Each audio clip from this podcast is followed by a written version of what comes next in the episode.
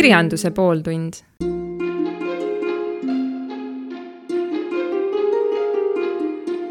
hea Põltsamaa raadio kuulaja, kirjanduse pooltund, mina, Heldur Lääne siin. mul oli selle hooaja eel päris suur mure, et kõik ära rääkida, peab alustama sellest, ma olin andnud nõusoleku ka sellel korral kirjanduse juttu puhuda, vähemalt midagi markeerida, aga päris täpset plaani polnud. Mõttes oli, aga praktilist väljundit polnud. tahaks ju Põltsamaa raadio tegemised Põltsamaaga seotud inimestega täita ja väga lihtne on jutusaade mitme inimese osavõtul käima lükata, aga ma jäin hätta. Põltsamaa omab tegelikult väga pikka kirjanduslikku ajalugu ja mulle näib, et järjepidevalt tänase päevani olen vahel päris uhke, kui mitmete meile üle riigi tuntud inimestega ma linnatänavaid triikinud. ka tänaseid kirjutajaid tean, ei ole see kunst välja surnud. minu häda on nendega, nende eetrisse saamisega. päris mitmetega tegelesin ja mudisin, aga kokkuleppeid ei sündinud. kiire aeg ja muud vajalikud tegemised ka ei saa ma nooremale põlvpolla, põlvkonnale toetuda, ma lihtsalt ei tea, kus nad koos käivad ja kellega. me veidi ajaliselt võõrad. sestap siis pakun kõigepealt end ise välja ja seda teemat ma valdan ilmselt kõige paremini. minu õnn on, et armastan oma tehtud jäägitult. ei hakka mina teile puhuma tundmatu nimega välismaa tuntud suurkujust meie armsa kodulinna raadios seda las teevad erudeeritud inimesed seal kusagil kõrgel ja kaugel, nii et üle ilma kostaks. meie peaks meie raadios turvalist kodujuttu puhuma ja seda märkama. jah, eks ta ole. seekord valisin välja oma kirjutatust loo Ätid algselt oli kavas ainult järjejuttu lugeda, aga vana mees tahab heietada ja ma pole hea ettelugeja. seega, nii nagu viimane kord puhun juttu, siis loen mõned peatükid, et oleks ka järgmine kord kuulata. midagi jääb ju teadmata. ning veel üks asi. sellel korral olen oma teksti nii korraldanud, et kui kuulaja on juba kirjutaja, aga tahaks veidi teisemat mõtet omadele lisaks, siis saaks snitti võtta.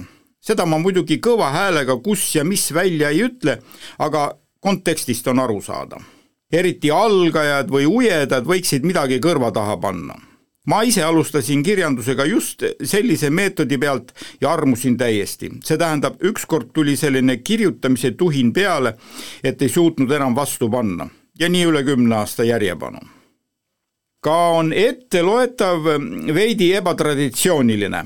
ma nimelt võtan uue tüki ette, arvates, et suudan veel parema kirjutada, kui eelmine oli latti allapoole ei taha lasta. ätid ongi mu viimane lugu, seega olen nii kaugele jõudnud, et mu oskuste piirid väga lähedale tulnud. tegevus veel ebareaalsem, aeg pendeldab hetkest igavikku, tegelased sellised, keda pildi peale panna pole võimalik ja mõte, miks seda kirjutatud, peab kotiga kaelas olema, muidu kaob ära ometi vaatab lehekülgedelt vastu tavaline argipäeva elu, kus väga midagi ei juhtu. kunstiviis midagi, mida ühegi teisega ei ole võimalik asendada. minu palevus, ausõna. ja ühe asja olen ma veel ette võtnud. juba varem tabasin end mõttelt, et kui tegelane on sinu enda nimega, siis kirjutad tema raamatusse kuidagi teistmoodi seekord siis võtsin ette ja panin peategelasele oma nime, teisele oma kunagise hüüdnime ja kasutasin oma elukäigu fakte. hoopis teine tera kirjutada. kinnitan, see pole miskit pidi dokumentaalse sugemega lugu, täielik väljamõeldis, aga mõjub, kui minult on küsitud, ah siis selline sa olidki. ei olnud ega ole ka praegu hea on mälusse jäänud ja mälus olevat materjali ära kasutada ja see sunnik kõlab mõnes kohas ikka väga mõnusalt. puhas kirjanduslik nauding. vot nii palju siis nagu eeljuttu ja hakkaks siis lugema. ätid ja esimene peatükk. pilgutas silmi, et tabada aja kulgemist. ei seisa paigal, aga paar kiiremat liigutust annab kinnitust, et praeguses pikas hetkes paigalseisu ei ole ja ajukurdude väike hirmuvärin, ka kõige pikem viiv võib ainult silmapilgutuseks muutuda, kaob. Heldur peab end avalikus elus vanaks meheks, nagu pass kinnitab. aga niisama hetkedel pole vahet, kas ta on viiene või kuuekümne viiene. üks hea olemine alati ta pole kunagi olnud teistsugune ja vahel imestab omaette olles, mida need aastad peaksid tähendama. elama peab, elabki ja sisemus on ikka tema ise selles elus on kord kogu aeg olnud. muidugi ju on õpitud juurde, aga kogu aeg peab teraselt meeles pidama, et ei korduks korduma kippuvad vead. kogemused ei ole jalgratta sõitmise eluks ajaks meeles. Kas seegi on? viimane tuli meelde siis, kui üle paarikümne aasta uuesti jalgratta selga ronis. hakkama sai, aga see polnud ju see tunne, mis mitu jalgratast omal ajal ära kulutas ja oskustest ülegi jäi. seega jäädavalt pole midagi siin ilmas peale selle, et tema on tema ise. kas sellisena tajuvad ka teised maailma? Isegi lähedase inimese sisse ei näe, lähedane inimene võib vahepeal tunduda vägagi võõras. Saati siis teada, mismoodi tema maailma näeb.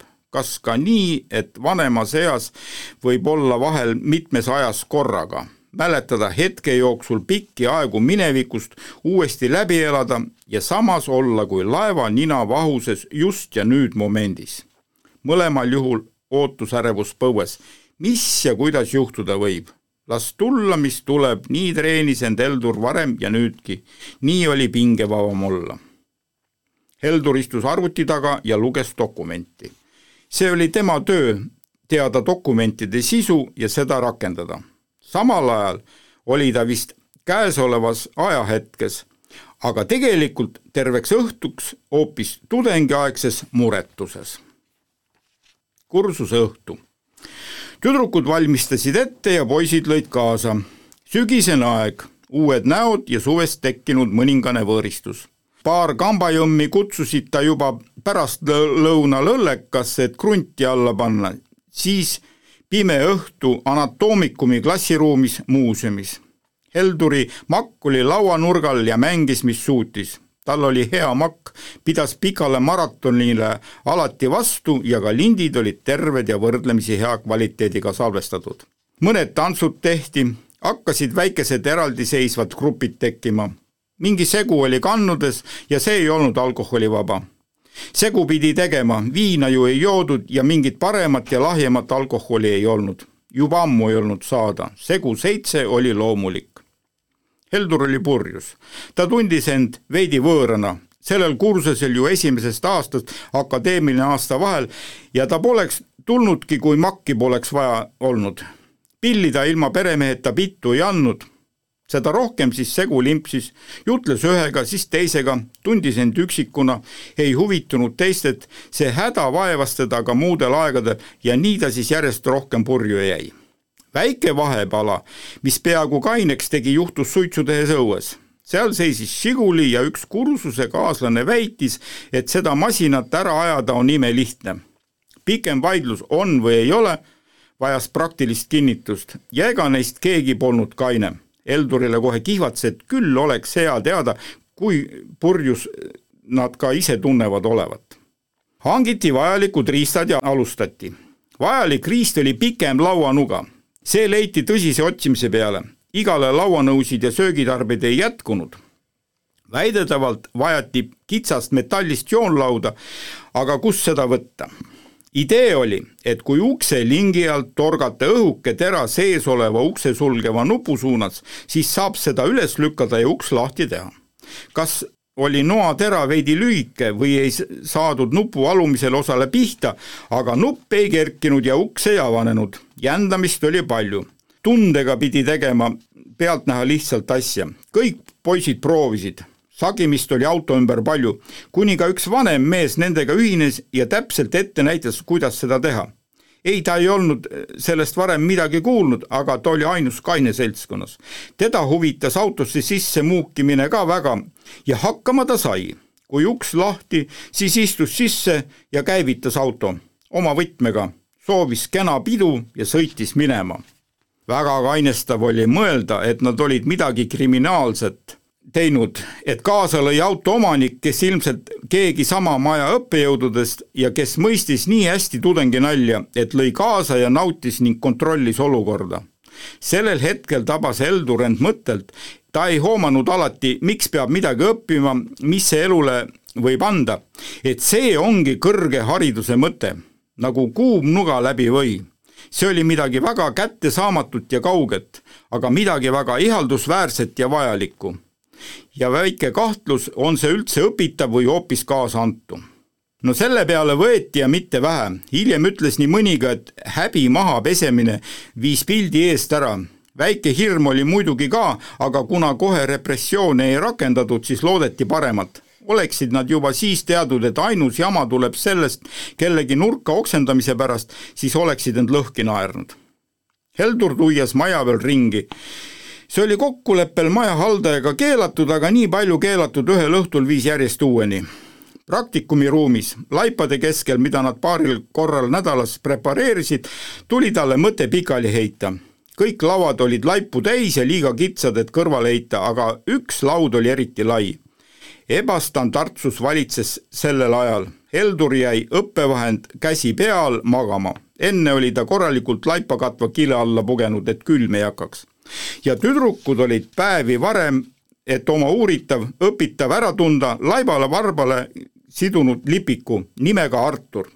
nii kutsusid mõned poisid ka Heldurit, hüüdnimi ju pidi olema. teine peatükk.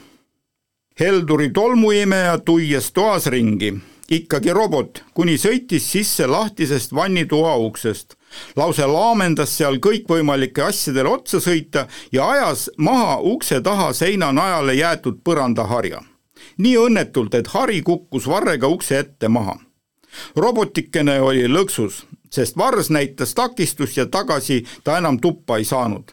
peagi tuli telefoni sõnum, et seoses mööbli ümbertõstmisega ja nii edasi tuleb Eremes appi ei aidanud ka harja seina äärde tagasi tõstmine, pidi uue stardi tegema. Nii see on, kalkuleeri, kui targalt tahad, alati on mingid ootamatused, mis ka kõige ratsionaalsema olu suudavad ära rikkuda. See ammune rumal ja lapsik samm ei rikkunud Elduri elu. laevad olid lapseohtu tudengitel ühelt poolt närvi salamise üles löönud, kui kõrvad kumisevad, siis üks üksikasju ja eetikat ei pane tähele. teisalt muutunud nii tavaliseks töövahendiks ei osanudki eh, midagi väga valet ka sellest teost välja lugeda. paraku vahetevahel, nüüd siis hilisemalt, kummitas Heldurit anatoomikumis juhtunu ikka veel. muidugi oli see väga lame ja täiesti mõttetu lugu taju ei läinud tollel õhtul mingi sellise kavatsusega, ta ei tahtnud üldse minna, aga makki pidi laenama, nii kade ei saanud ju olla ja ülejäänu tuli kuidagi jooksvalt rada pidi. justkui keegi teine oleks omad plaanid teinud ja tema ainult realiseeris neid Heldur teadis, mis tunne oli tolmuimejal, kui ta asjalikku tööd tees, äkki avastab, et on harjavarre taha lõksu jäänud. ja ikka keegi abistab. Heldur päästis roboti ja tema sai abi just sellelt mehikeselt, kelle kaissu ta magama heitis. võiks arvata, et nüüd pole kummitused kaugel ja karm, karma tabab lolli teo tegijat, aga hoopis läks nii, et esimese hooga keegi nagu kustutas kogu juhtunu mälust ja siis hakkas piiskaaval tagasi koguma. vaikselt, rahulikult ja väga kaalutletult mõistis Heldur tagantjärele olnut Artur tuli tema maailma siis, kui kõik mentaalselt ette valmistatud. ükskord lihtsalt tuli kui hea inimene külla, andis mõnegi hea vihje, hiljem juba lävis pikemalt ja siis astus alati läbi, kui abi vaja oli. abi ei pidanud küsima, sest ta teadis tulla ka siis, kui abi vajaja ise ei teadnudki, et abi vajab. alles tagantjärgi sai selgeks, et miks ja milleks ja muidugi astus mõtetesse ka siis, kui oli vaja aega viita, lihtsalt ühe või teise asja üle mõtiskleda. Neid aegu jäi järjest vähemaks, kui kellegagi jututada, nagu Heldur tähele pani, ja siis oli Artur hea kaaslane. tema ei öelnud kunagi ei ja lõi kaasa igas mõttemängus. lõi kaasa ka nii, et ajas su vahel väga närvi, et tahtsid ta saata ei tea kuhu. Alati ju ei ole abimees helge ja helde abikäega lõpmatult abi jagamas. vahel nõuab sult esmapilgul lausa võimatut, just seda, mida sa ise küsima läksid. ometi paneb asjad nii käima, et sellest kasu ja abi on mis hea ja mõnus tunne siis jääb hinge, millise rahulolu ja sooja tunde südamesse viimast püüdis Heldur ka ise saavutada juba kooliajast. lihtsa joogaülesandega lõdvestas keha ja oli komfordi asendis. mõtte ei millestki ja lõdvesta keha täielikult. lase südamel rabelemised ära rabeleda ja siis ava südame-veresooned rohkem veretulvale. süda läheb rinnust soojaks ja lööb lõdvestunult, aeglaselt, saab puhkust südamepuhkus on puhas südamerahu ja seda oskas Heldur endas korraldada. ta tegi seda alati, kui mingi elulaine oli üle pea löönud. Mis sai parem olla, kui seda ka keegi teine sulle tegi. hingamine sassis, ettenägemine puudus täielikult ja lootusetus võttis maad. sellistel puhkudel viskas Heldur kõik nurka ja ütles, mis see minu asi on, lasi end lõdvaks, unustas ümberringi oleva ja sai taas end koguda. ta mõtles öeldud siiralt ja lõplikult oli sisemiselt valmis kõigest loobuma ja rahu tuli südamesse tagasi ja mingi vaade ettepoole taastus. Kui tuleviku pimedad me ikka oleme, kui maha kukkunud harjavarss suudab meid takistada, samas muidugi ei ole üle varre sõitmine ka lahendus, ennegi kusagile mööblijalale kinni sõidetud ja siis on hoopis teistsugust abi vaja me ju omame väga palju sisse programmeeritud ja veel suurema hulga kogetud, aga igas olukorras oleme kui esmasündinud. nii kommenteeris Artur Eldurile. Sa ajad mind ja robotit segamini, kostis Eldur. aga mis vahet teil on? ära aja inimest ja masinat segamini. ei, ei aja, aga kui käitud samamoodigi kui masin, mis siis seal vahet on? Eldur jäi veidi kimpu kohe vastamisega. muidugi pidi seal mingi vahe olema, aga pealtnäha ju ei olnud ka. Vahe oli kindel, kuni ta võrdles iseennast ja robotit, siis oli väga suur vahe. aga kui ta võrdles robotit ja näiteks Arturit, siis ei olnud tõesti vahet. kui ikka värvid end nurka, siis oledki nurka värvitud mind jäta mängust välja, ma olen end igal ajal nurka mänginud, mis sa arvad, et su laibad tulid akadeemikute hulgast, need maetakse ju auavalduste saatel telefon, teleülekandel maha. mina tulen kusagilt vaimupuudega inimeste varjupaigast ja mul ei ole ühtki sugulast ja järeletulijat. seepärast ma su preparaadiks saingi. Mina vaatan maailma alati nii, nagu see avaneks esimest korda ja sellepärast ma ütlengi, mis vahet neil peaks olema säh sulle, hakka vaidlema ja ole samal nõul, arvas Heldur endamisi. okei okay,, masin on mõtlemisvõimetu ja omab seda, mis sisse programm pandud. inimene on loov ja võimeline uut looma, tema loob masinaid, mitte vastupidi. muidugi, aga miks sa siis kohe ei loo olukordasid, mis selliseid juhuseid välistaks, miks sa targutad, kui lolli masina sa loonud oled, inimene kuule, me oleme nüüd mõlemad õige vanad, saad ju isegi aru, et kõike ei ole võimalik silmas pidada ja maailmas juhtub nii palju asju, et kõike ei saa ette näha. just, sa oled sama loll kui su masin. alati on kõik olukorrad esmakordsed ja pole vahet, kas sa omad varasemat kogemust või mitte tolmuimeja tuleb enamuses olukordadest alati eeskujulikult välja, ainult seekord eksis. sina täpselt samuti paned sisse kodeeritu järgi enam-vähem alati õiget rada, aga mõnikord tunnistad, et sa ei tahtnudki kursuseõhtule minna. vahet ei ole isegi varem kogetu mahus sa ju ei suuda õigel ajal varasemast kogemusest õiget välja raalida ja oled ikka esmakasutaja seisus nüüd jõuame me kokkuleppele, minul on see, on kogemus, aga ma ei oska seda alati õigel ajal rakendada, aga masinal lihtsalt ei ole, sest temasse talletatud kogemused on piiratud looja kogemuse ja oskusega, Eldor oli isegi veidike võidukas muidugi, ainult tuleta meelde, et kui sa oma viimase kogemuste raasu välja kraamid ja ideaalselt suudad ära kasutada, siis tegelikult inimesed oma igapäevase ninapidi koosistumisega teevad pidevalt programmi kaasajastamist ja on värskemad ja uuendatud. on ainult üks asi, mida sa ei suuda kunagi täpselt paika panna ja mõjutada. mis see veel on? kuidas sa siia maailma sündisid? hakkad maailma algusest peale. tead, mul on sageli selline tunne, et olen kui suur paabulind veel suurema tarkuse sabaga, aga kusagil ei ole seda lehvikut täielikult avada. et see uhkelt ja kõigile mõistetavalt näha oleks ja ma ei näe ka kellegi teise vau värviküllaseid sabasid avatuna. nüüd siis sina veel sellega, et olengi algselt määramatuse hunnik, keda ei päästa ei õpetus, ei oskused, ei pikaajaline tarkuse kogumine. lihtsalt hunnik tarkuse sulgi padja sees kokku kogutud, et viimasel une, unne vajumisel pead toetada no nii on, miks sa peaksid asjadest parem olema, kui sa ei suuda neid tarkuseteri ära kasutada? Kannad kullakotti väärtusena ja samas taagana kaasas, ise vajad iga töö järel hoopis süüa ja juua. miks sa oma kulla eest midagi ei osta, miks sa just praegu vajad? sinu asi on ju olla, mitte sina oled ja vajad. kes sa selline oled, et sulle midagi peaks antama rohkem kui kividele ja ära tule mulle rääkima, et oled inimene. ma olin ka, aga sain õppevahendiks. kolmas peatükk Heldur on vana mees. kas ta on õnnelik? kindlasti, sest juba see, et ta saab omamoodi mõtelda, tähendab õnne. õnne igas asjas ja tervikuna. nii kaugele ei ole kõik välja vedanud ja nii ühes tükis ja terved ei ole ka kõik tema eakaaslased. üpriski paljud neist, kellega koos alustati, ei ole enam üldse elavate kirjas muidugi on ka temast paremal järjel olijaid, aga siis peaks võrdluse hoopis täpsemalt ette võtma, et milles tegelikult ja kas esimesel pilgul arvatav ka üldse nii on. kui banaalselt lihtne elu on, mõlgutas Heldur mõtteid, sünnid, hakkad mingil hetkel maailma mõistma ja siis ainult paned hetk hetke järel vastu eh, sind igas mõttes välistavatele oludele. ja nii, kui suudad, ise teades, et ükskord lõpeb see nagunii kas sa kardad surma, tundis Artur huvi. ei karda, mis ma tast kardan, tuleb ju ükskord nagunii.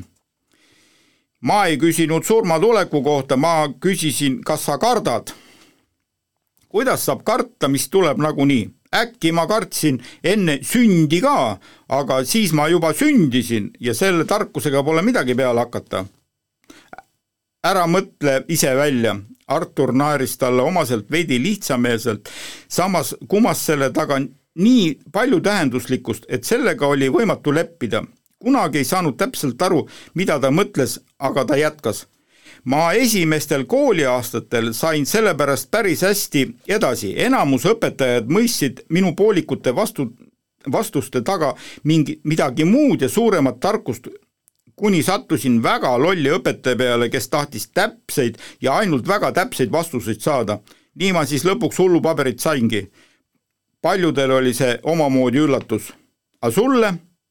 mina ei hinda seda siiamaani, ma ei ole ju sellest arusaamisest olen ma nõrga mõistusega või hoopis väga suure tagamõttega taibu mingit kasu või kahju saanud. mina olen mina, kes see hinda, hindab end nii, et nüüd ma olen tark, nüüd ma olen loll. siis, kui on vaja end sisemiselt õigustada, mingi teo tagantjärgi endale selgeks teha, aga see on juba minu vaimne seisund, mitte see, kas ma olen tark või loll, olemuslikult. ma olen läbi löönud oluliselt, oluliselt tugevamini kui nii mõnigi potentsiaalne geenius. lõpetasid ikka nagu nii mõnigi geenius, osatas Heldur selle peale. just ise ka tõestad praegu, et ma olen pigem väga tark inimene kui paberitega nõrgamõistuslik.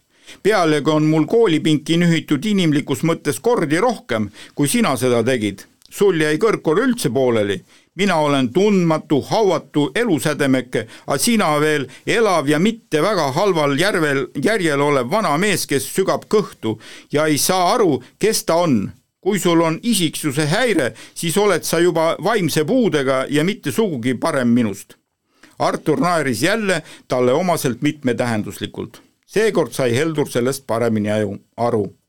ja hea, et sinagi olemas oled, on kellega rääkida sellist juttu, mida juba rääkima hakkamise algusest eriti mõistlikuks pidada ei saa. et siis kardad surma? kardan jah valu vist ei ole küsimus, surmavalu ei tõenda keegi, sest siis oled juba surnud. surmahirm on elavate hirm, aga kindel määratud lõpp on kogu selle eelneva täielik eitus.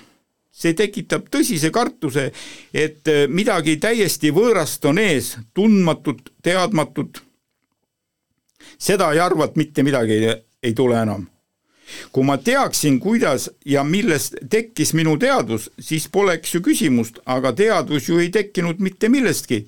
said vajalikud ained kokku ja näe, hakkasin mõtlema ja siis sa ütled, et see kõik lõpeb mitte millegiga. ained said otsa ja mõte ka.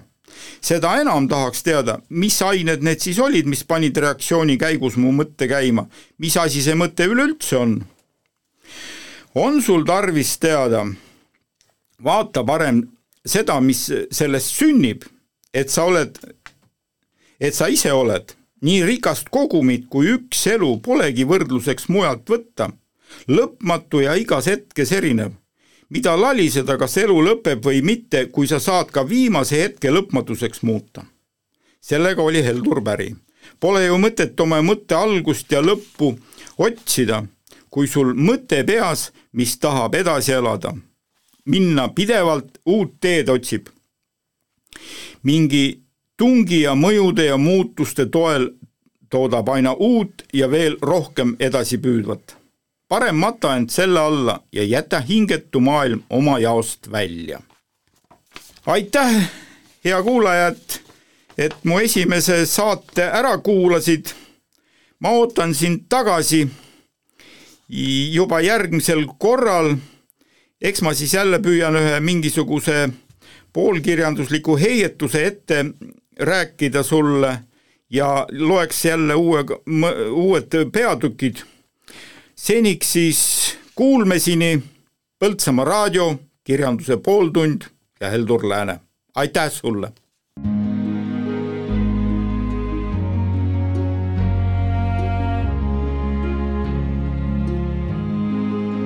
Kirjanduse pooltund